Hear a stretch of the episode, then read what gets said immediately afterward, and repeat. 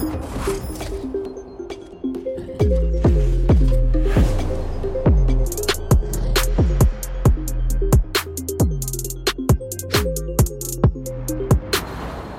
sen ska vi ha ett stort seminarium i Bryssel 21 mm. november. Just det, det ska vi prata mer om, men mm. vi tar in tittarna. Hörrni, fönster mot medievärlden är vidöppet igen. Och vad är det jag känner mitt i november? Hetluft strömmar in. Upprop på TV4 mot SVTs, okej, okay, mina planer på att lägga lokala nyheter 22.00. Uppror, i vart fall enligt tidningarna, internt på SVT mot planerna på att utveckla lokaljournalistiken digitalt. Vi reder ut, brukar jag lova. Det törs jag inte här, men jag lovar att vi kommer att prata om det. För det finns ett tema här. Digitala nyhetstjänster är vägen till nyhetspubliken idag. Den lokala mediebranschen är irriterad på SVTs framfart. Vi är oroliga för att vi är på väg att tappa kontakten med nya generationers nyhetskonsumenter. Och så får vi en rapport från San Francisco om utvecklingen av strömmad TV där Disney Plus lanserar sin nya playtjänst i veckan. Kommer vi få se ett streamingkrig? Ja, törs jag lova. Men hur kommer det se ut? Det kommer ni få reda på. Men först. Sociala nätverk undergräver demokratin genom att sprida lögnkampanjer och olagligt material. Vem tar ansvar? Påståendena och frågan ställs i en ny rapport från Schibsted som presenteras för EU-kommissionen i Bryssel senare i november. Varmt välkommen säger jag till upphovskvinnan bakom denna rapport, Karin Pettersson, till vardags chef för Public Relations på eh, Schibsted. Tack! En av upphovskvinnorna. En männen, av upphovskvinnorna säger du blygsamt. Ja, ja. Eh, du, en av slutsatserna, vi hoppar in i, så här ser rapporten ut för, ja. förresten. Ensuring democracy finns, and freedom of speech online. Den finns också digitalt. Finns också digitalt på för, er som, för er som föredrar det. Mm. Digitalt och gratis. Gratis, ingen betalvägg. Nej. Eh, du, en av slutsatserna i rapporten är att eh, vi borde sluta säga sociala medier och istället ja. prata om sociala nätverk. Mm. Varför är det viktigt? Eh, ja, utgångspunkten i den här rapporten är att eh, det finns stora problem med eh, den nya informationsinfrastrukturen kan man säga, där ju traditionella medier är en del och eh, sociala nätverk som vi väljer att kalla dem är en annan del. Eh, Men nätverken är fortfarande Facebook, Twitter? Absolut, alltså, ja. det är den typen av tjänster där man aggregerar användargenererat innehåll, sorterar det, presenterar det tillbaka i ja, en annonsprodukt till, tillbaka till, till användaren. Eh, vi tycker att det är väldigt viktigt och en av huvudpoängerna i rapporten är att de här tjänsterna, de är till sin karaktär någonting helt annat än vad eh, medierna gör, vad journalistiken gör. Och det blir en märklig sammanblandning, eh, eller det leder tanken fel tycker vi, att använda just begreppet sociala medier. Så vi har valt att använda begreppet sociala nätverk för att beskriva karaktären på de här tjänsterna på ett mer korrekt sätt tycker vi. För att göra den distinktionen, för man, om man tittar lite grann bakåt så är det så att eh, först så eh, var ju de här företrädarna, Zuckerberg och andra eh, som är, är, Facebooks grundare, noga med att beskriva sig. Nej, men vi är bara en plattform, vi är inte publicister. Vi Exakt. har inget ansvar för innehållet vi sprider. Mm. Från medias håll var det vanligt att säga, men ni är ju publicister, ni borde ta samma ansvar som vi. Mm. I rapporten här så menar ni att båda de här synsätten leder fel. Ja, den liksom, analogi man drar till med, tar till, det är ju att säga att de borde jämställas med det som vi känner till sedan tidigare, nämligen traditionella medier. Men det menar vi, precis som du säger, att det är lika fel och också farligt, tror vi, för vår bransch.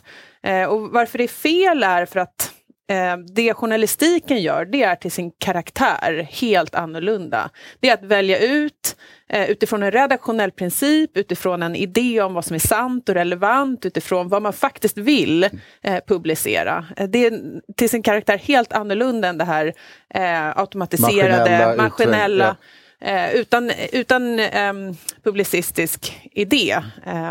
Men, och dessutom, då, men, och dessutom är det så att publicistiken är idag eh, väldigt välreglerad. Eh, I, vi har ett grundlagsskydd, vi har en pressetik, det finns ett helt system och för... en ansvarig utgivare och som en tar ansvar. utgivare som men, tar ansvar. Men på, på de här plattformarna då, mm. om man ska beskriva det idag, så är det, de tar inget ansvar, det kan man konstatera. Idag tar, får den enskilde ta ansvar. Vi kommer nu se en rad rättegångar om förtal till ja, exempel i spåren av metoo. Så, ja. så svaret idag är ju du själv ansvarig. Svaret idag är du själv ansvarig. Hur menar ni att svaret borde vara? Vem ska vara ansvarig för det som Facebook distribuerar? Och då menar vi så här att eh, man borde definiera den här verksamheten. Eh, man borde säga att det här är en egen ny kategori och vi kallar den då sociala nätverk. Med den kategorin borde det eh, påföras ett särskilt typ av ansvar, ett så kallat medverkansansvar. Och om man tar ett exempel så är ju i somras kom den här domen eh, mot Facebookgruppen eh, Stå upp för Sverige. Mm. Där blev moderatorn dömd för att inte ha tagit bort illegalt innehåll mm. på Facebook. De jurister som vi har pratat med... Illegalt innehåll i form av... Av eh, hets mot folkgrupp. Hets, ja. och, eh, till exempel. Jag tror att det var hets mot folkgrupp. Och då säger de jurister som vi har pratat med att om man skulle ha ett sånt här medverkaransvar eh, som kopplat till den här kategorin, då skulle också Facebook ha ett ansvar för att, inte, för att eh, för just spridningen av illegalt innehåll. Idag som sagt måste man gå på den enskilda och, och plattformarna kan säga vi har inget ansvar. Eh, vi har såna här community standards, absolut, och vi ska försöka ha en bra miljö. Men vi har inget ansvar egentligen för att det illegala innehållet sprids vidare, utan det är upp till den enskilde. Och det menar vi att det Eh, I den här, den här gråzonen som vi lever med, med idag, där ingen vet riktigt vad de här nätverken eh, som sagt har för ansvar, det fungerar inte längre. Utan de måste också in, det måste tydliggöras eh, vad, eh, ja, vad ansvaret det är komplicerat, det, det är svårt. Så, Nej, det är inte så komplicerat. Okay, men låt säga att man lyckas ah. hitta det här. Mm. Eh, där debatten ligger idag, rätt eller fel, ja. handlar ju om, är det möjligt att eh, utkräva det här eller form, forma ett ansvar utan att inskränka yttrandefriheten? Är det möjligt, här, problemet är hat och hot eh, ja. innehåll, är det möjligt att ta bort det utan att inskränka yttrandefriheten? Alltså det vi har försökt komma åt eh, i vår rapport, det är ju spridningen av illegalt innehåll. Det som redan idag är olagligt att sprida i vår offentlighet. Vi har ju begränsningar idag för yttrandefriheten som handlar om just förtal, hets mot folkgrupp, eh, andra saker som man har definierat är liksom där gränsen för yttrandefriheten redan är passerad. Vad vi menar är att de här företagen måste också inlämnas i det systemet. Det kan inte vara så att alla andra delar av vår offentlighet, att där finns det regler eh, för, eh, som upprätthålls, där, juridik, där, där, där eh, Eh, juridiken upprätthålls, utan det måste också fungera eh, på sociala nätverk. Däremot så tror jag, tror jag inte att med, med vår med våra förslag så kommer man inte åt allt som är så att säga, dåligt eh, innehåll på sociala nätverk, all desinformation, alla junk news. Eh, och vi som publicister menar ju också att det finns att det är otroligt viktigt att värna yttrandefriheten, rätten att ljuga om man så vill. Eh, det finns en väldigt obehaglig eh, diskussion just nu, inte minst eh, i många andra länder i Europa, där man pratar om att man ska lagstifta mot desinformation, vilket är en väldigt luddig, otrevligt begrepp som man kan liksom definiera på olika mm. sätt. Så att lika mycket som vi har velat eh, komma med förslag som faktiskt skyddar demokratin eh, mot de här liksom, eh, ja, det som händer när det här illegala in, innehållet kan spridas fritt på det här sättet. Så lika viktigt är det faktiskt att undvika att det blir dålig reglering mm. de närmaste åren. För vi vet att reglering kommer. Det här är en enorm uppgift. Ja. Vad, hur kommer det sig att just Schibsted engagerar sig i den här? Ja, eh, bakgrunden är ju att ja, Schibsted är ju Skandinaviens största medieföretag eh, med en 180 år av eh, historia av liksom, publicistisk verksamhet. Man har också en ägare som är eh, Tinius Trust, det känner du väl till, eh, som har ett demokratiuppdrag eh, och att skydda journalistiken inskrivet i stiftelsestadgarna. Så att det här handlar inte så mycket om Eh, det rent liksom affärsmässiga för eh, våra um, tidningar i, i det korta perspektivet, utan det här handlar snarare om att um, försöka värna de värden som mm. Um, Schibsted och journalistiken ändå representerar, det öppna samhället, yttrandefriheten. Kan ni, vad, jag, vad jag är ute efter lite ja. grann med frågan är också i andra länder, i Tyskland och ja. i Spanien, så ser man gemensamma branschgrepp runt de här frågorna. Ja. Saknar ni typ ett Bonnier eller public service, att, att eh, det som är utgivarna till exempel idag, en sån förening bakom det här? Eller? Nej, men vi har ju, jag menar, vi är medlemmar i Tidningsutgivarna, TU ska ordna ett seminarium på det här temat senare i höst. Eh, vi hoppas såklart att branschen, övriga mediebranschen kan haka på i, i den här diskussionen. Och eh, ska jag säga någonting så är det väl att den här rapporten har vi också gjort därför att vi tycker att eh, när vi ser nu att regleringar kommer komma de närmaste åren, det extremt högt intresse för vår bransch att vara med i diskussionen och just se till att de regleringar som kommer inte blir dåliga. För regleringar kommer, regleringar det handlar om, blir de bra? Ja, eller I Frankrike till exempel har man en nationell lagstiftning nu som ger en domare rätt att under um, valrörelser. Det här är en följd av Macron Leaks och de problem man har sett på sociala medier. Man ger en domare rätt att eh, säga till alla typer av publicister, också traditionella medier, att den här, typen, den här nyheten måste ni hålla borta under den här valrörelsen. Mm. Så att risken är väldigt stor att om man inte, liksom, om vi inte löser de här grundläggande problemen så kommer det komma regleringar som drabbar yttre, den enskildes yttrandefrihet eh, och som eh, riskerar att överreglera publicistiken. Så att, vi, vi i vår bransch måste liksom engagera oss i de här frågorna. Den 21 november presenterar ni det här i Bryssel. Ja. Eh, vad hoppas du eh, att EU-kommissionen gör av detta?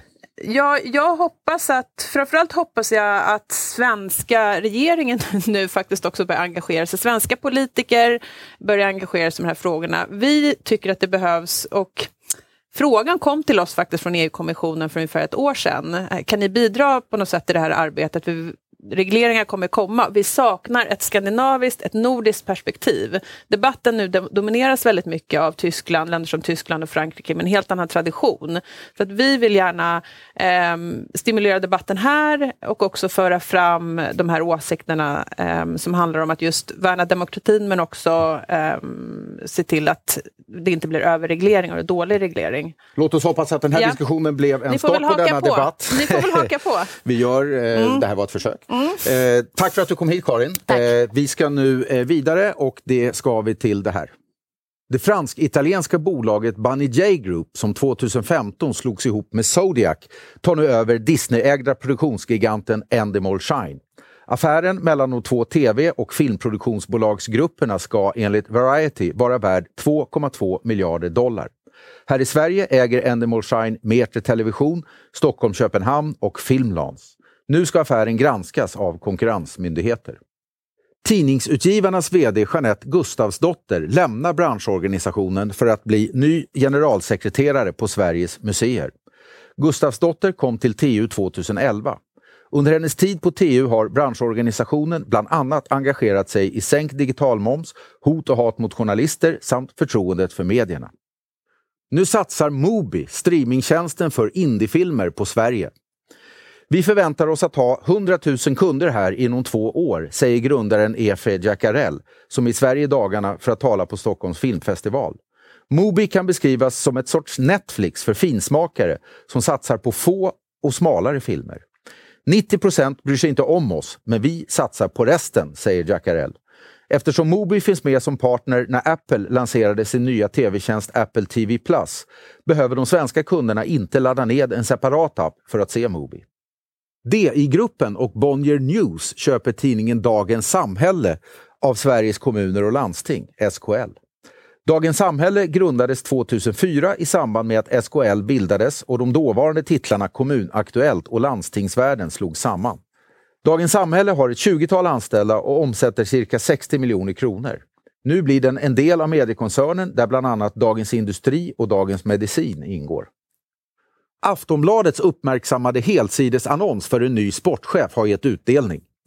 Patrik Hamps blir ny chef för Sportbladet. Han kommer närmast från SVT och rollen som nyhets och digitalchef här på SVT Sport. Han ersätter Pontus Karlgren som i somras meddelade att han lämnar sin tjänst för att istället utveckla Aftonbladets plustjänst. Patrik Hamps tillträder den 1 december. Hörni, panelen är på plats. Eh, idag med Pia Renqvist, eh, chefredaktör, ansvarig utgivare för Sydsvenskan. Olle Zackrisson, avgående chef för Ekot men tillträdande för Sveriges Radios digitala utveckling. Eh, varmt välkomna hit. Tack så mycket. Tack. Någonting i medieveckan som ni har studsat på? En intressant granskning tyckte jag var det här av Trumps 11 000 tweets som New York Times hade gjort. Den läste jag med stort intresse. Just det. Pia? Jag gladdes ju åt nomineringarna till Stora Journalistpriset som kom i veckan. Det förstår jag och det ska vi prata om eh, mer eh, snart. Men jag tänkte det är lika bra att vi sätter katten på bordet direkt. Titta på det här, så här såg det ut förra veckan i Fönster mot medievärlden. I, I, mina ögon så är det precis tondött. Det är precis tvärtom vad ni har lovat i tillståndet. Och då är det 24 timmar in i matchen. Så i, min, I min värld är det en krigsförklaring eh, kring nyheter. Att, att flytta nyhetspublik. Trots, trots att det är lokala nyheter vi det, pratar om? Absolut, det är samma publik. Det är, och det är en stor publik i ert fall, ni är jätteduktiga på det. Och sen följs det av Rapport, så det är ett nyhetsblock. Ni lägger bara om turordningen, lokalt först och Rapport sen. Så för mig är det obegripligt, så jag utgår från att ni drar tillbaka det förslaget. Ja, så där lät det. Vi planerar alltså att lägga eh, 10 minuter, först lokala nyheter och sen en kort rapportsändning 22.00 samtidigt som TV4-nyheterna sänder sin rikssändning. Eh, är det här en rimlig reaktion? Är det en rimlig kritik? Är vi ute och cyklar? Jag tänker att eh, reaktionerna är väldigt begripliga. Jag tänker att ni kanske inte är så förvånade, eller jag hoppas att ni inte är så förvånade. Sen är det väl i min värld mer en symbolisk fråga än en praktisk jättestor fråga. För, för framtiden handlar ju inte om vem som lyckas attrahera nyhetskonsumenterna klockan 22 i linjär-tv, utan framtiden handlar ju om någonting helt annat. Vad tänkte du Olle? Det här eh, TV4, de gjorde ju också ett upprop. Eh, eh 14 medarbetare på TV4 som i sin kärna handlar om public service ansvar gentemot, eh, eller hänsyn till kommersiella medier. Jag tänkte att eh, vi som jobbar inom public service måste vara lyhörda inför den här typen av synpunkter som jag tycker är ganska naturliga de synpunkterna. Jag tycker också att han har en slags ödmjukhet i, bara i det här klippet där han också säger ni är jätteduktiga på lokala nyheter. De ser ju det som en enorm konkurrens.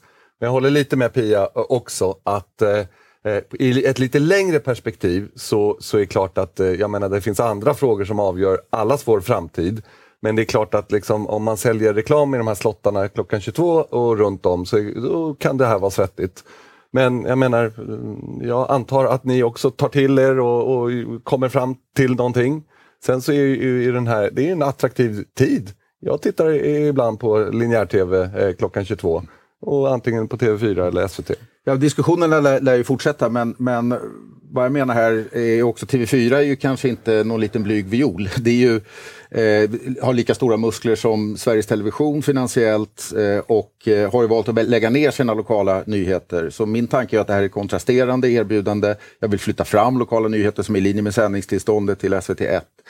Eh, men eh, men eh, vad ser ni? Är det, är det liksom Eh, är vi, är vi lomhörda som, som Kasten påstår? Borde public service ta in mer av de här eh, diskussionerna eller har vi också en lite nyttig konkurrens här? Det finns ett publikperspektiv. Eh, om ni är lomhörda eller inte återstår väl att se i just den här frågan. Eh, men jag tänker att diskussionen är eh, nyttig och bra och väldigt viktig och den liknar ju diskussioner som har förts i många år mellan företag som mitt och mm. public service också kring konkurrenssituationen som ju är eh, otroligt, otroligt utmanande och problematisk och där jag tycker att vi har fått till en bättre diskussion, åtminstone nu jämfört med för några år sedan, kring huruvida man publicerar ljud, huruvida man publicerar rörlig bild, huruvida man publicerar långa texter och så vidare. Så att, eh, jag kan ju ärligt säga att jag tycker bakåt har, har kanske eh, det saknats en del ödmjukhet i vissa typer av diskussioner mellan public service och kommersiella företag. Men som Olle säger, här, här är väl kanske inte frågan helt avgjord än. Det handlar om att ta diskussionen och göra det på, på ett bra sätt. Det är ju också intressant för mig att att ni eh, säger att ni ska flytta fram eh, positionerna när det gäller lokalbevakning. För det är ju någonting som är intressant för mig kanske då, ur ett, ur, ur ett kommersiellt perspektiv också. Jag tänkte låt oss ta det som brygga, för det är ju den andra stora diskussionen. Eh, vi utvecklar nu lokalbevakningen helt i linje eh, kan man lätt se med nya sändningstillståndet som förväntas liksom komma här vid årsskiftet, eller som kommer vid årsskiftet. Beslutet är taget i riksdagen. Eh, Olle, om jag börjar i din ända. Du eh, eh klev i veckan av som ekochef och kliver på som, för att just utveckla den digitala journalistiken för Sveriges Radio. Eh, hur tänker du kring det? Nej, men jag tänker att eh, eh i, i, idag på morgonen så öppnade Sveriges Radio faktiskt en ny radiokanal, P4 Södertälje. Eh, och den typen av satsningar på lokal journalistik i områden där det bor väldigt mycket människor, plus att vara ute i, i de områden där vi kanske inte är så ofta, att vara det mer. Det är centralt, inte bara då för det vi gör i linjär radio, utan även för hur man konsumerar oss digitalt. För man måste kunna hitta något, ett utbud som man känner igen sig i. Vi vill spegla hela Sverige eh, i Sveriges Radio och då vill vi göra det både digitalt och, och eh, linjärt. Så min nya roll som är ansvarig för den digitala nyhetsutvecklingen på Sveriges Radio, den kommer både innehålla mer de här innehållsliga delarna, eller jag kommer ha synpunkter på det och jobba tillsammans med redaktionerna om det. Och sen handlar det naturligtvis om paketeringsfrågor. Hur ska våra nyheter eh, presenteras i vår app eller på vår sajt? Och hur ska man kunna konsumera våra ljud på externa plattformar? Men det är Så det är ett ganska brett uppdrag. Och det är presentationen där som eh, i vart fall har lett till en eh, stundtals het diskussion mellan Sveriges Television och lokalmedia. Eh, eh, jag drar mig för att säga krisande, men man kan i vart fall säga att det är väldigt turbulenta tider för lokala medier i Sverige och vi kliver då ut med en digital tjänst som är multimedial, det vill säga blandar text, bild, eh, stillbild, rörlig bild som alla digitala tjänster. Hur ser du på den utvecklingen Pia? Jag kan ju notera att eh, ni sen den här förändrade inriktningen på de lokala nyheterna som väl sjösattes nu bara för några dagar sedan, eh, har mer rörlig bild lokalt eh, än eh, när vi granskade. Vi gjorde ju en genomgång av SVT Skåne då som det handlar om för vår del för eh, ungefär ett år och det var ju, då var det nästan bara text och det var eh, 50-60 procent rewrites av våra grejer och det eh, tycker jag, det är ett jättestort problem. Jag tycker att det är problem, det är såklart ett problem för oss, för vi har vår prenumerationsmodell och så vidare, men det är också ett problem ur ett demokratiskt perspektiv att public service inte lägger sina resurser på ett eget nyhetsarbete. Och det tycker jag, där ser jag gärna större konkurrens lokalt. Mycket större konkurrens. Vi eh, Vi ser du en utveckling åt rätt håll eh, om du hoppar fram till nutid? Alltså, eh, jag ser ju att på, någon vecka här så ser jag att det har hänt saker och jag har också pratat med människor som jobbar både på Sveriges Radio och SVT i Skåne och vet ju hur åtminstone det de vill säga till mig, hur tankarna är, att, att det ska gå mer mot rörlig bild och så. Eh, men jag tror ju eh, att den lokala journalistiken för er, alltså det är ju någon identitetskris här, eh, som ju är väl bekant för mig och min organisation och vi kommer, ni kommer också båda två från tidningsvärlden. Det gäller ju att hitta sin nisch och det gäller att hitta sin Eh, vem är jag? Och det, det tror jag, eh, där uppfattar jag att ni båda har en hel del jobb kvar lokalt. Det är ett sökande, Olle, och eh, ni brukar säga att ni fokuserar bara på ljud. Är det möjligt i en tid eh, som den här eh, att inte leverera en multimedial Alltså, digital vi, vi, vi jobbar med ljudet i fokus på alla plattformar för vi är ett radiobolag och det är ljud som vi är riktigt bra på. Sen så stödjer vi det naturligtvis med rubriker, med bilder, med grafik, med rörligt till och med i, ibland. Så att jag menar, vi vill inte avhända oss sådana möjligheter men vi har en strategi med stenhårt eh, ljudet i fokus. Men det jag vill säga är att jag tycker att Pia uttrycker sig väldigt nyanserat. Vi har hört tidigare, eh, för några år sedan, från eh, folk eh, i tidningsvärlden som har ungefär sagt så här att eh, de lokala mediernas död eller problem beror på att eh, public service gör rewrites av lokala stories. Mm. Och det är, stämmer inte, utan då är till exempel Aftonbladet eh, ett större problem för de eh, lokala medierna tror jag. Och framförallt att eh, annonspengarna försvinner till Google och Facebook. Så att jag tycker att den här diskussionen har börjat mogna nu, vilket jag tycker är väldigt bra. Sen, precis som Kasten gjorde, så använder man ju olika typer av argument för att komma åt public service. Nu är det många som kritiserar public service, vi ska få ett nytt sändningstillstånd. Då är det klart att det finns ett narrativ nu i samhället där man kan hitta sätt att försöka begränsa vad vi håller på med. Då tycker jag att vi ska lyssna på det. Vi ska kommunicera, vi ska vara transparenta, vi ska prata om det. Sen måste ju ändå Sveriges Radio, Sveriges Television, Utbildningsradion hitta sina egna vägar och navigera. För det är ju, vi är ju faktiskt självständiga bolag som, eh, där, som måste agera självständigt. Pia, får jag fråga så här. Hur skulle ett lyckligt förhållande se ut mellan public service och lokala medier på den digitala nyhetsmarknaden? Eh, alltså, eh, det jag eftersöker är ju mer konkurrens i själva innehållsbiten. Eh, jag tycker ju att Sveriges Radio och SVT lokalt eh, försöker göra för många saker och därmed inte blir tillräckligt vassa. Jag tror att jag dragit den eh, historien redan någon gång, men för, för något år sedan så hade SVT Skåne ett superbra avslöjande, alltså ett nyhetsmässigt jättebra jobb om eh, hur Malmö ha, eh, kommun hade hanterat eh, avhoppande kriminella. Och jag ljuger inte när jag säger att min, min egen redaktion stod helt handfallen inför detta. Alltså hur skulle vi vara sent på rewrites, vi liksom missade att lägga in det i papperstidningen och så vidare. Och när vi då diskuterade det i efterhand så var ju svaret på frågan varför var för att vi har inga sådana rutiner. Det var en sån ovanlig situation. Ja, det, och det, det var en så ovanlig redaktion. Och den typen av, jag vill ha mycket mer konkurrens i själva nyhetsarbetet. Men man kan gå in och titta och det, och, och det tror jag är en otroligt... Vilken typ av journalistik tänker du dig att SVT Skåne ska göra? Vad ska de göra? Eh, det, det som är inriktningen nu digitalt är att vi vill göra en fördjupning. Vi har begränsade resurser ska sägas. Vi har stora resurser på helheten. Till skillnad från oss menar du? Nej, men vi har begräns väldigt begränsade resurser lokalt faktiskt ja, jämfört ja, med er. Och det vet jag. Eh, så är det, vi är mindre än er ja, resursmässigt. Eh, men vad, vad, vi säger nu som inriktning är en fokuserad fördjupning med rörlig bild per dag lokalt och mm. sen en, en överblick som vi jobbar på ett nytt sätt där vi faktiskt centraliserar lite grann överblicksdelen. Sen håller vi på att diskutera, just rewrite-frågan är, mm. är och hur stor central. andel av, av, en, av sajten, jag kollade nu på SVT Skåne mm. både igår och i mm. hur stor andel av, liksom, om man tar 10 i topp, liksom, man scrollar ner, tycker du är rimligt att man ska ha eget nyhetsarbete bakom? Den, den, större delen, i vart fall om det är eh, det vi utvecklar ska vara, tycker jag, eget nyhetsarbete. Det vi säger fördjupande, det är eget nyhetsarbete. Sen tittar vi på eh, relationen video där vi, där vi nu är uppe i typ 50 procent, vissa dagar 60 procent. Mm. Och, och ökande. Vi, vi ökar och ökar den. Mm. Men, men, eh, och jobbar aktivt. Men Pia, till exempel i vår linjära radio så har det ju mm. alltid varit så. Jag menar i Ekots 82-åriga historia och när det gäller eh, P4 så är det ju alltid så att vi har refererat otroligt mycket till lokal journalistik. Mm. Alltså vi hänvisar ju hela tiden i, i våra linjära sändningar till fin, högkvalitativ lokal journalistik som olika tidningar har gjort.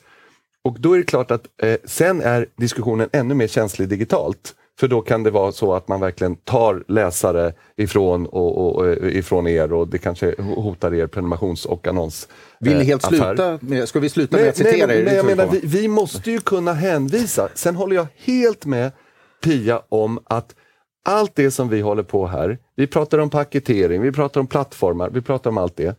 Vi måste ju förstå att har vi inte ett högkvalitativt nyhetsledande innehåll i journalistiken, då spelar det ingen roll hur bra vi paketerar. Och det är väl en av mina huvudpoänger. Sen, sen är det klart att det finns ju också, apropå kasten och apropå den diskussionen, det, det, finns ju någonting för oss, och ni vet ju båda det här, även om ni nu låtsas någonting annat för att ni har andra jobb. Det finns ju någonting provocerande i att sitta på ett företag som mitt och i en bransch som min eh, och att slåss mot företag som har helt andra ekonomiska förutsättningar.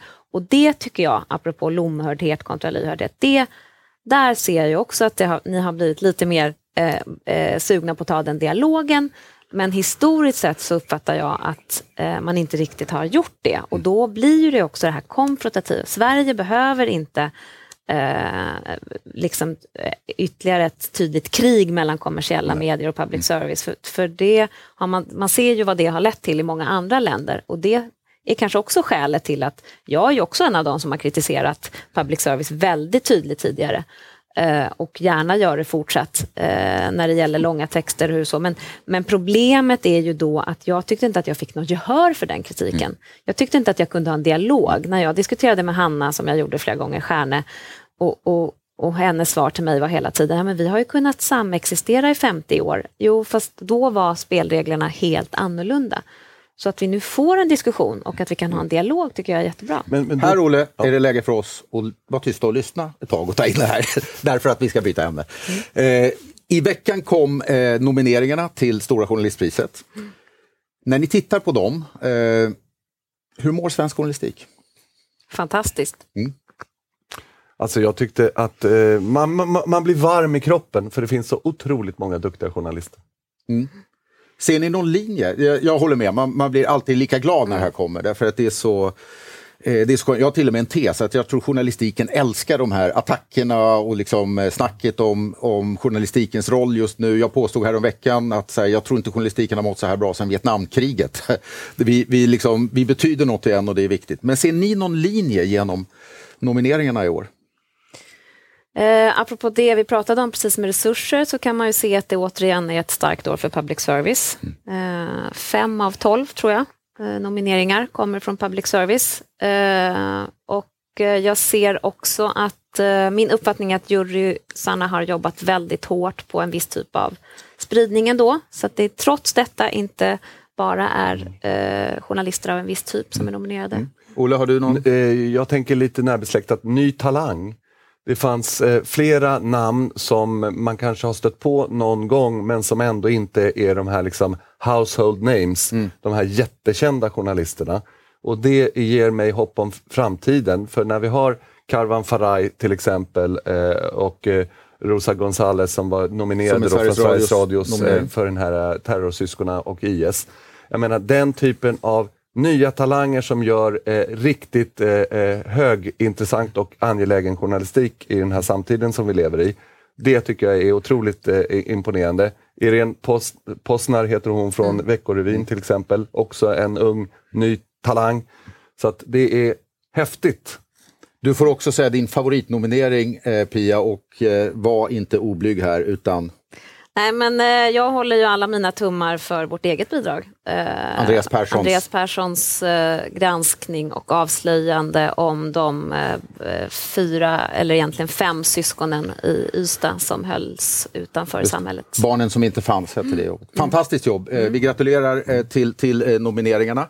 Eh, hörni, tusen tack för intressanta diskussioner den här veckan. Jag ska bolla över en grej här till dig. Du ska bara. bolla över en grej? Den här ekomikrofonen. Och jag tänker i framtiden så kommer man kunna Fråga, uh, ge mig nyheter från alla den här typen Kan jag fråga av, den nu eller? Ge mig nyheter. Fråga, testa. Lite. Ah, det, ge mig det, nyheter. Den är lite låg volym på den där. Den var jättefin, ah. tack för det. Jag ska också säga att det finns också andra radiobolag eh, som, som gör eh, fina nyheter. Hörrni, vi ska nu till San Francisco och eh, ni kommer få inblick i ett eh, streamingkrig som är på, streamingkrig så är det, streamingkrig som är på uppseglande. Titta här.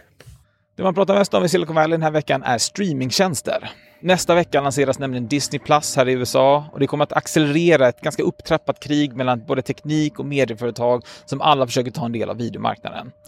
Överlägset störst på den amerikanska marknaden hittills är Netflix, men de fokuserar framför allt på internationell tillväxt. Andra stora spelare är till exempel HBO, som under 2020 kommer att lansera sin nya tjänst HBO Max, som blir en utbyggd tjänst med både material från vanliga HBO och från hela Warner Media-koncernen.